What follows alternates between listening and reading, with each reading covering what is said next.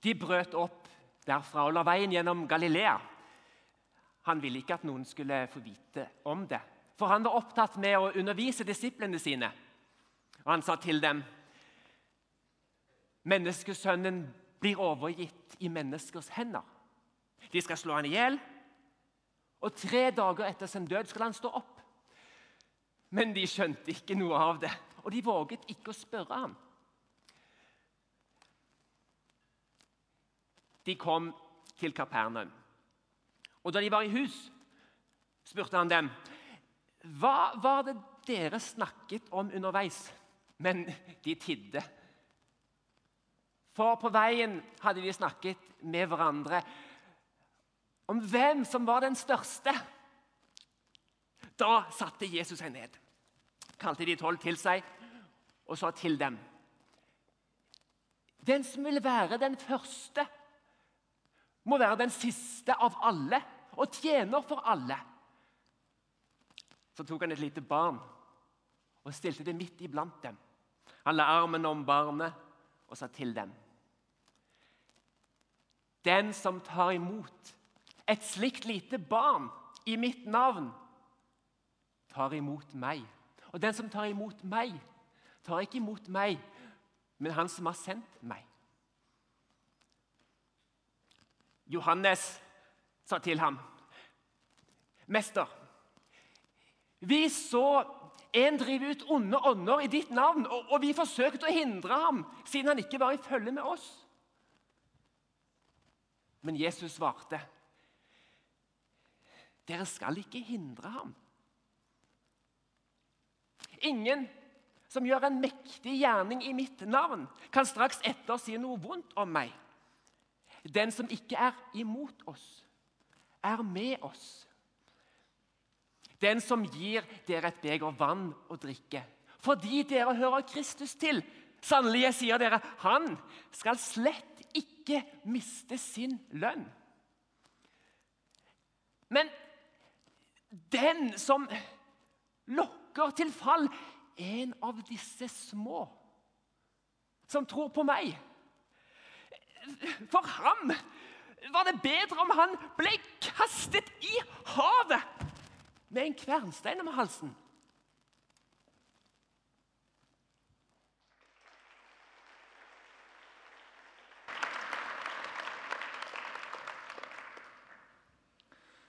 Ja vel.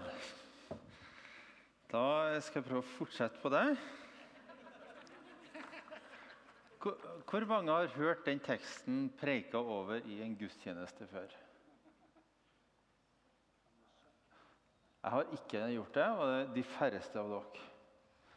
Eh, og Vi skal komme tilbake litt til, til denne kvernsteinen litt, litt lenger ut. Eh, men eh, la oss nå spole litt tilbake. Vi befinner oss som sagt i Markus eh, kapittel 9. Og vi har en gjennomgang av Markusevangeliet her i Imi-kirka denne vinteren. Eller ja For se hvor lenge vi holder på.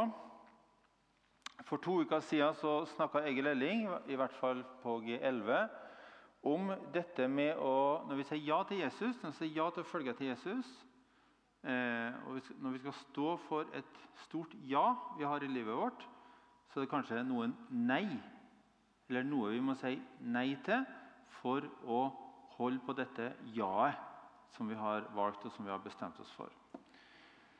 Forrige gang tala Gry om det å være underveis. Eh, og måten Jesus på en måte behandler og leder oss på. Eh, og, og at, det, at, eh, det, er der vi er. Vi, vi er på vandring. Eh, og I vår tekst i dag så er det ikke snakk om Jesu undergjerninger som, og, og, og, utfordring på det, men det er hans etiske undervisning. Altså hvordan vi lever, og hvordan vi er sammen. Og Det er det som utfordrer oss i dag. Jesus har setter noen standarder og han setter noen prinsipp eh, for hva slags kultur han ønsker at hans etterfølgere skal ha eh, sammen og ha mellom seg. Og Det er det vi skal fokusere på her i talen. Og startet, Teksten starta med at eh, Jesus eh, var helt tydelig på å unngå folk. For Han ville fokusere på å gi undervisning til de tolv disiplene som han hadde valgt ut, og de tolv som da skulle være kjernen i den nye kirken som skulle komme etter Jesu oppstandelse. Og Derfor gir han dem prioritet. Hele verden kom jo til Jesus for Eh, å få hjelp, få en helbredelse, få et ord, få en oppmuntring, hva som helst. Eh, Jesus trakk seg unna, var i det skjulte. Gjennom eh, der da, så kom de, Galilea så kom de til Kapernaum. Eh, og Så snakker han med dem om det som skal skje. Og det som skal skje, er at Han skal bli slått i hjel, og så skal han eh, stå opp igjen på en tredje dag. Og Så står det at de skjønner ingenting av det. Så, så, men de, de, tør ikke å spørre.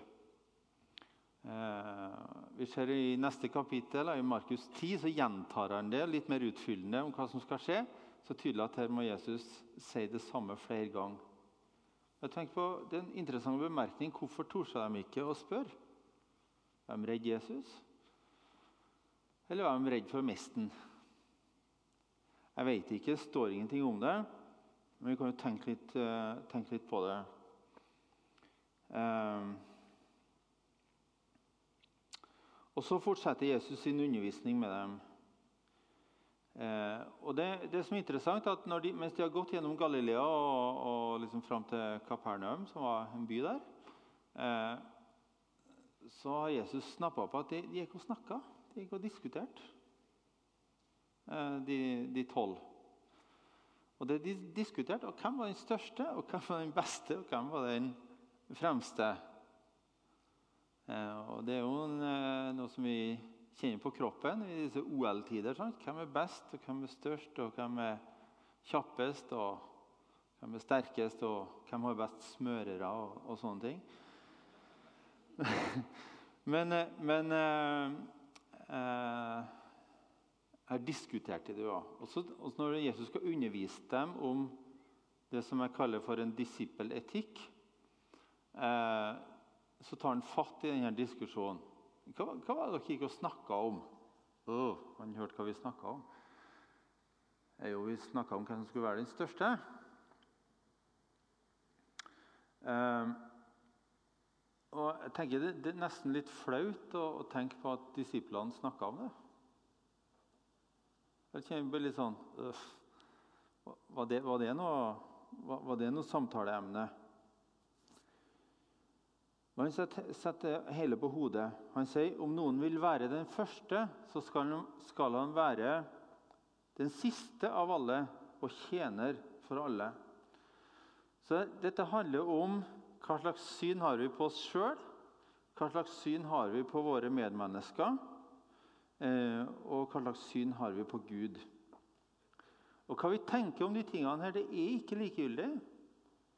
For som dere skal lære når dere tar et Teieleios-kurs ja, Vi skal lære at vår, vår, tanke kan påvirke vår følelse og våre reaksjoner. Ja. Vi skal ta en TU, f.eks., en sånn tankeundersøkelse. Hva, hva tenker jeg egentlig om det her, og hvorfor, hvorfor gjør jeg sånn som jeg gjør? Så det var veldig, veldig flott. Jeg vil bare henge meg på det og reklamere for Teleos kurs. Men altså ordspråken 23,7.: For som en mann tenker i sitt hjerte, slik er han.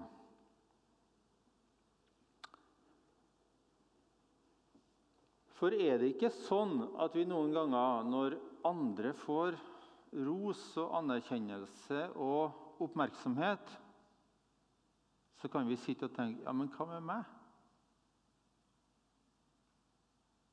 var det ingen som så meg.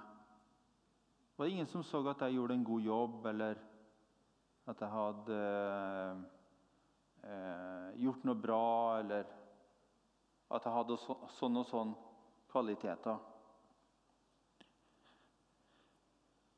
Eh, og det er et behov vi har å bli anerkjent av andre. Eh, vi må bli anerkjent av vår leder.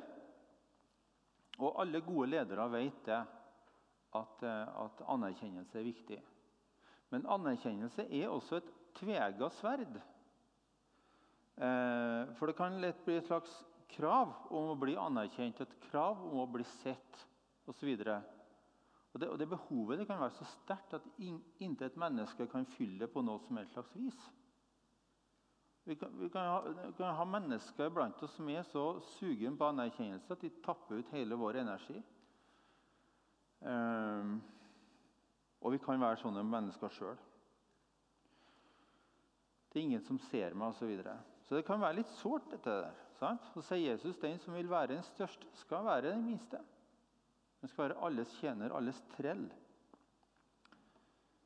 Eh, og Det er det samme prinsippet som han bruker i bergpreken, der han sier at det du vil at andre skal gjøre mot deg, skal du gjøre mot de.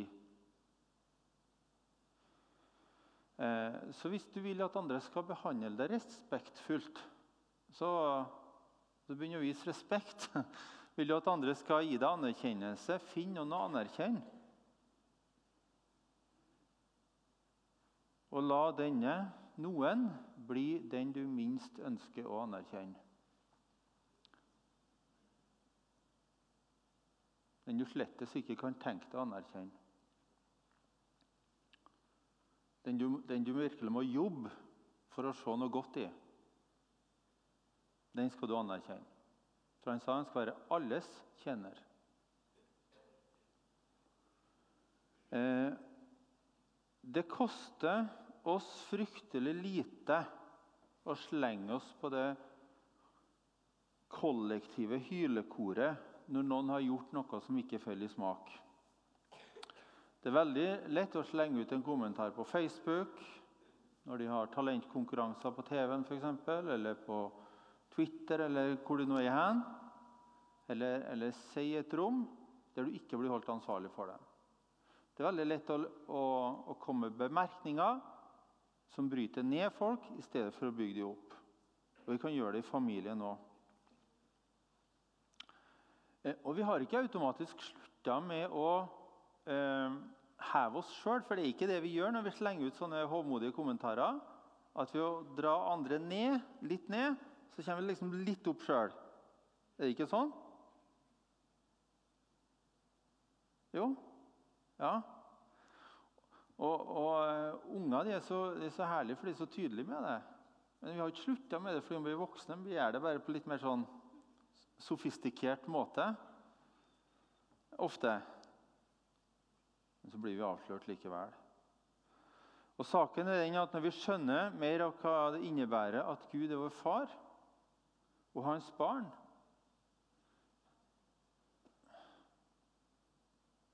Så det, dette behovet for å bli sett, det kan faktisk bli litt mindre. Eh, for at, for at eh, Vi er jo gitt en identitet som Guds barn. Det, det, det, er noe vi får i gave når vi sier ja til Jesus. Og Ofte så er da eh, hjelpen og prosessen å se hva vi har i Jesus, og hvem vi er i Han. Eh, og, og, Guds ord sier at vi er Guds barn. Eh, sønner og døtre av Far i himmelen. Det fins ikke noe større. Du kan ikke få en lavere stilling. Du kan ikke få en lavere identitet enn det. Og Da trenger vi ikke å trykke folk ned for å liksom komme opp sjøl. Ordspråkene 29-23.: Hovmod fører et menneske til fall, men den ydmyke vinner ære. Så er et spørsmål da, Skal vi anerkjenne andre for å få ære sjøl? Det har jo en sånn sjølsentrert motivasjon. Sjølsagt skal vi ikke det. Vi skal opphøye andre fordi det er sånn Gud er. Gud i sin natur opphøyer andre. Og Hvis vi går inn i treenigheten, eh, treenighetslæra, Fader, Sønn og Hellig Ånd, så ser vi at Far herliggjør Sønnen, og Sønnen herliggjør Faderen, og Den hellige ånd herliggjør altså, Det er en sånn innbyrdes der de løfter opp hverandre. Um, og, og, når du anerkjenner andre, når du viser andre ære, når du gjør deg sjøl til tjener for andre Ikke at du skal brukes som dørmatte, men du gjør deg sjøl til tjener for dem. Så viser du at det er noe flott og fint som kalles helliggjørelse, som har starta i livet ditt. Og det at noe av æren faller tilbake på deg sjøl, er kanskje et biprodukt, om ikke mer.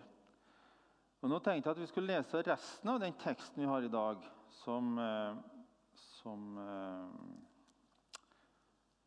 Sigurd eh, ikke las. Vi er i Markus eh, 9.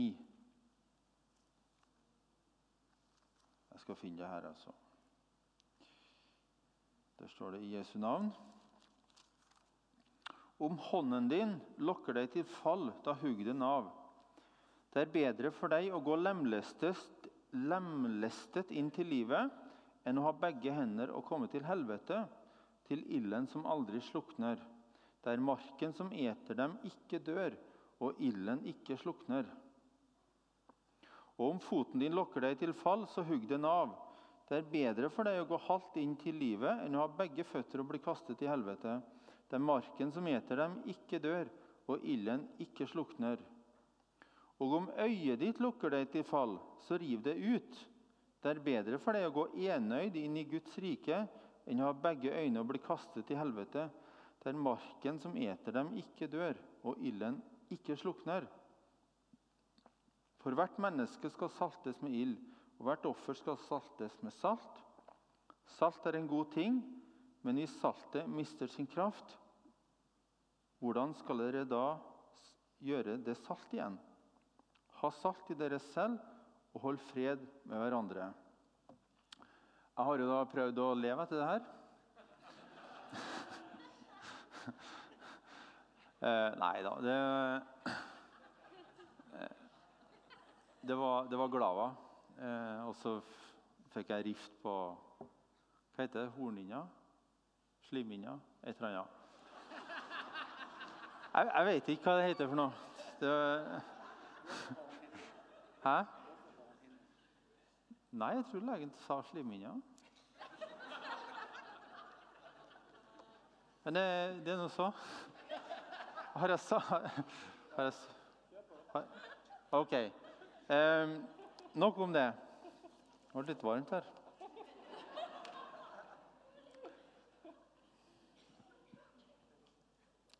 Sånn, ja. Det forsvant, det. Eh, Eh, eh,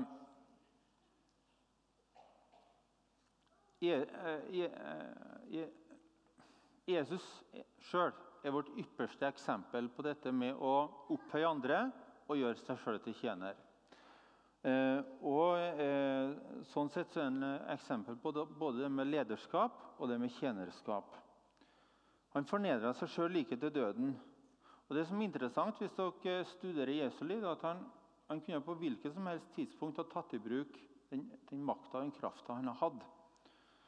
Eh, men han valgte å ikke gjøre det. Til dem som torturerte han og håna han, så sa han, 'Far, tilgi dem, for de vet ikke hva de gjør.' Eh, og han ble forrådt av en av sine beste venner. Han ble anklaga for ting han ikke hadde gjort. Han ble spytta på av soldatene. Han ble gjort narr av pga. sine egne ord. Nå, hvem var det som slo deg? Nå må du spå oss. Du som, du som spår om framtida, liksom. Han ble spikra fast til et kors eh, og hengt opp. Og vi kunne fortsette og fortsette. Eh, og Saken er at han utholdt den der smerten og den fornedrelsen for vår del, for å være vår tjener. Han som var den største, han gjorde seg sjøl til den laveste. Og så Først og sist så handler jo dette om vår frelse altså evig liv, eller vår fortapelse, eh, som er det motsatte. Det handler om at Jesus døde i stedet for oss, sto opp igjen for å gi oss evig liv sammen med seg sjøl. Men det viser oss også en måte å leve på. Eh, og Vi trenger av og til å stoppe opp og evaluere tankene våre. Det jeg, det jeg tenker, det jeg lever etter, er det i tråd med Jesu liv? Er det i tråd med Jesu lære? Eh, og I eh, Filipperne 2 så syns jeg det står eh, veldig flott om, eh, om, dette med etterfølgelse. Filipperne 2, vers 3. Eh, gjør ikke noe av selvhevdelse og tom ærgjerrighet, men vær ydmyke og sett de andre høyere enn dere selv. Sett de andre høyere enn dere selv.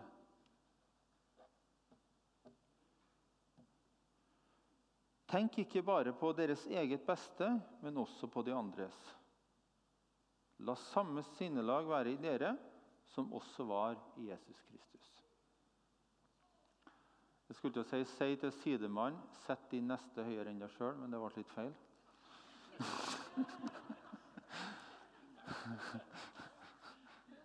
men, det, men det, det, det, er, noe vi kan velge å si til oss sjøl. At jeg velger å sette min neste høyere enn meg sjøl. Ehm, jeg hørte om Ja, nei. Sorry. Jeg skal holde meg til, holde meg til teksten. For å virkelig sette dette på spissen så trekker Jesus fram et lite barn eh, og, og, viser fram eh, og sier den som tar imot et lite barn i mitt navn, tar imot meg. Og den som tar imot meg, tar ikke imot meg, men han som har sendt meg. Eh, jeg vet ikke hva slags syn du har på barn. da. Eh, er, det, er, det, sånne eh, småtasser som bare er i veien? Eller eh, hva er det for noen ting? Det er sånne små, uferdige voksne. Eh, når jeg var sånn eh, halvstor, så var jeg med på fotball. Eh, og de gangene jeg fikk eh, være ute på banen, så fikk jeg lov å spille back. Eh, det var jo eh, interessant i seg sjøl. Når sesongen var ferdig, så hadde vi sånn avslutning på klubbhus med utdeling av diplomer. Eh, og så hadde gjerne en, en, fotballspiller som spilte litt høyere opp i divisjonene, som kom og hadde fortalt hvordan det var å være fotballspiller. Som hadde Gøran Sørloth var en gang, f.eks. Det var ganske kult. For dere som eh, fulgte med norsk fotball på 90-tallet. Ja. 80- og 90-tallet. Og så var det da ofte en tale av en eh, tillitsvalgt i klubben. Og jeg husker, jeg husker, det som én sa en gang. Eh, han sa at det er klart at vi driver jo barneidrett pga. at vi har et A-lag. sa. Og, jeg, og Grunnen til at jeg husker han sa det, var at jeg syntes det var så ekstremt urettferdig eh, eller snålt at, at, vi som var unger, ikke var et mål i seg sjøl. At han ikke drev, var trener for barneidrett for at vi unger skulle ha det kjekt, men at det var for at vi, de skulle gro fram eh, gode A-lagsspillere til Lånke IL, som spilte i femtedivisjon.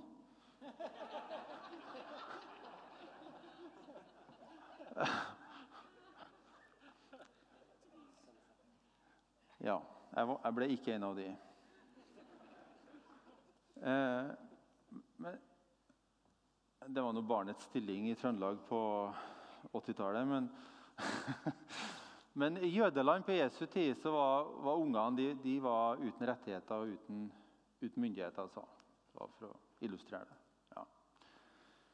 Eh, nettopp derfor tar Jesus fram et barn. Og det er uhørt, det han gjør. Eh, men han identifiserer seg faktisk med den som er svak, og som ikke har noen stemmerett og ingenting å komme med av autoritet i samfunnet. Den identifiserer Jesus seg med. Eh, og På den bakgrunn tror jeg at vi skal forstå Jesu advarsel mot å lokke noen av disse minste som tror på meg, til fall.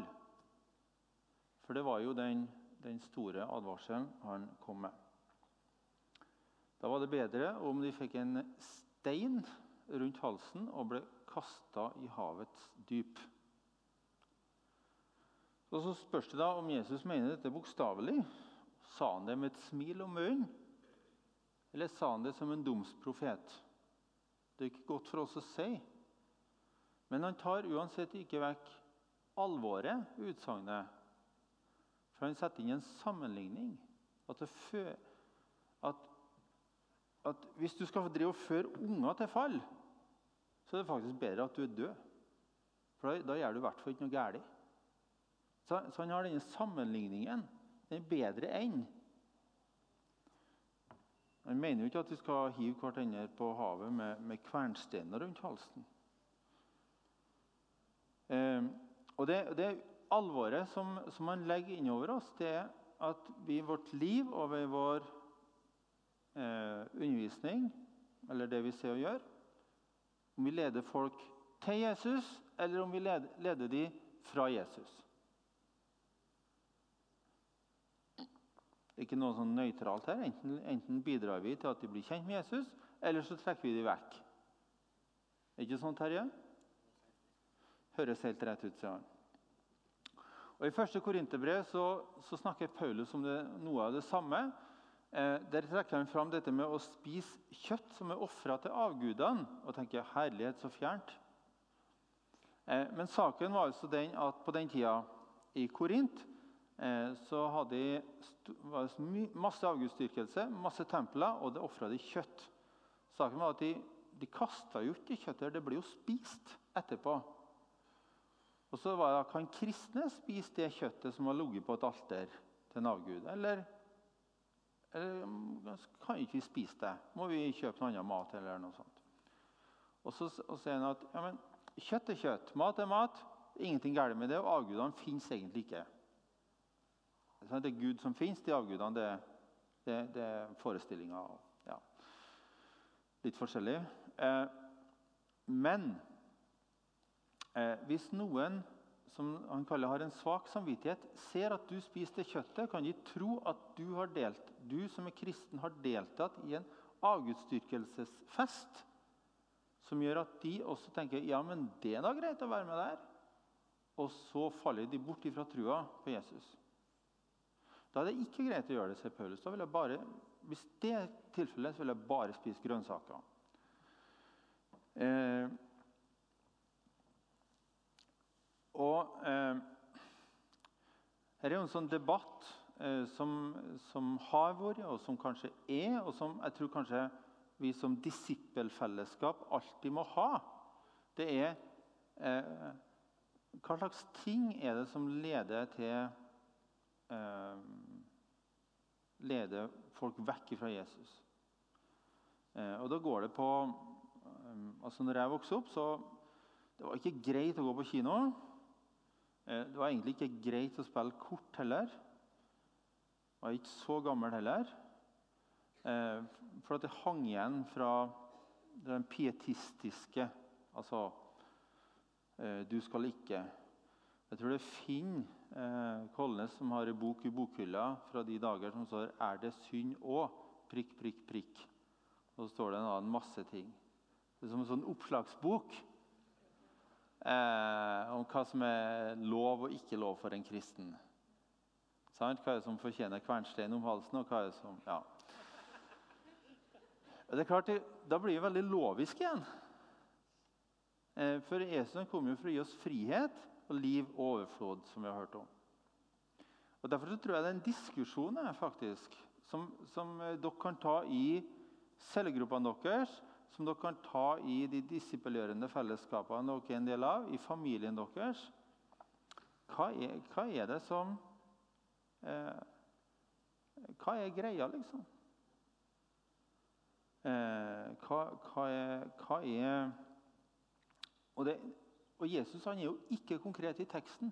Jeg tror det er med hensikt. for å si, hvis, hvis foten din leder deg til fall, så er det bedre å gå lemlesta inn til livet enn, enn å falle. Og det, Med å gjøre den sammenligningen så, så sier han faktisk at det å, eh, det å falle eh, vekk fra eh, relasjonen med, med, Jesus. Det er faktisk å betrakte som en ulykke, som en lemlestelse. Altså det, eh, det er ikke noe vi ønsker, det er ikke noe vi søker. Men det, men det er noe som Noe som eh, ja, vi ikke skal eh, søke, da.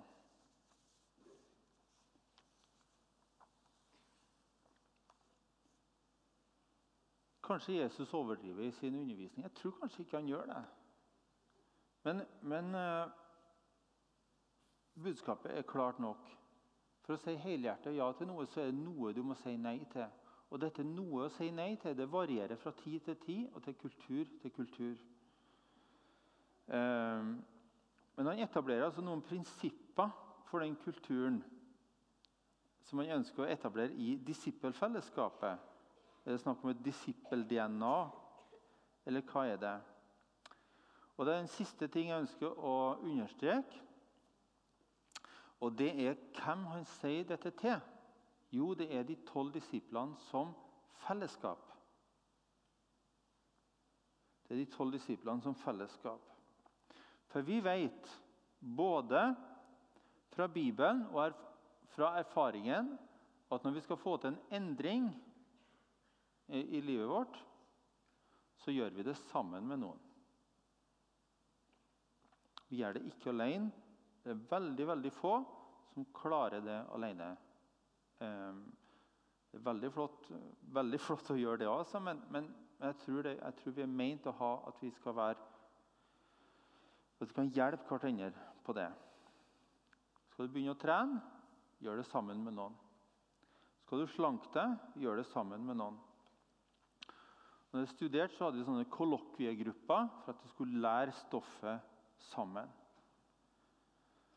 Eh, og Når det gjelder de her standardene for disippellivet, som vi har snakka om Det med å sette andre høyere enn seg sjøl, dette med å eh, ta noen valg som ikke leder andre til fall, og som gjør at vi heller sjøl ikke faller vekk det gjør vi sammen med noen. Da kan denne disippeletikken bli mer i en fin teori eller en, en lære eller gode ønsker. Men vi trenger noen som kan ansvarliggjøre oss. Vi trenger noen som kan spørre hvordan går det og som noen som du kan, kan snakke med. Og hjelpe oss å holde oss fast i det vi egentlig ønsker. For at øyeblikket tar oss. Det tar de aller fleste av oss eh, mange ganger. Hvordan snakker vi med hverandre? Hva slags tone har vi? Har vi en tone som løfter opp, eller har vi en tone som bryter ned? Og Det er jo ikke å forstå Jesu undervisning her som er vanskelig. Det er jo ganske lett. Det som er krevende, det er å leve etter det. Om vi har aldri så mye Den hellige ånd på innsida, så trenger vi det kristne fellesskapet. Vi trenger det store fellesskapet, og vi trenger også det lille fellesskapet. Hvordan det nå enn ser ut. Så min oppfordring eh, det er at eh, dere søker et kristent fellesskap. Et lite disippelgjørende fellesskap som vi har mange av her i menigheten. Og har du, har du, ingen du kjenner, som du kan invitere deg sjøl inn i, så Gry, du driver og koordinerer litt. Du kan gi noen tips. Gry som møteleder her, du kan gi, gi noen tips. Ta kontakt med oss i menigheten. Så, så, så vet vi jo mange ledere her for sånne små fellesskap som du kanskje matcher med, både når det gjelder tida og når det gjelder eh, sosialt. Jeg har lyst til å eh, be en bønn eh, om akkurat det her. Håper dere kan være med på det.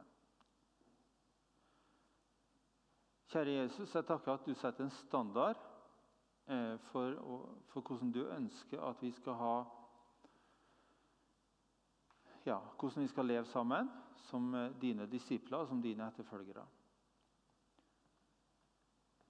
ber om tilgivelse for uh, alle de gangene vi hevder oss sjøl i stedet for å tenke på de andre.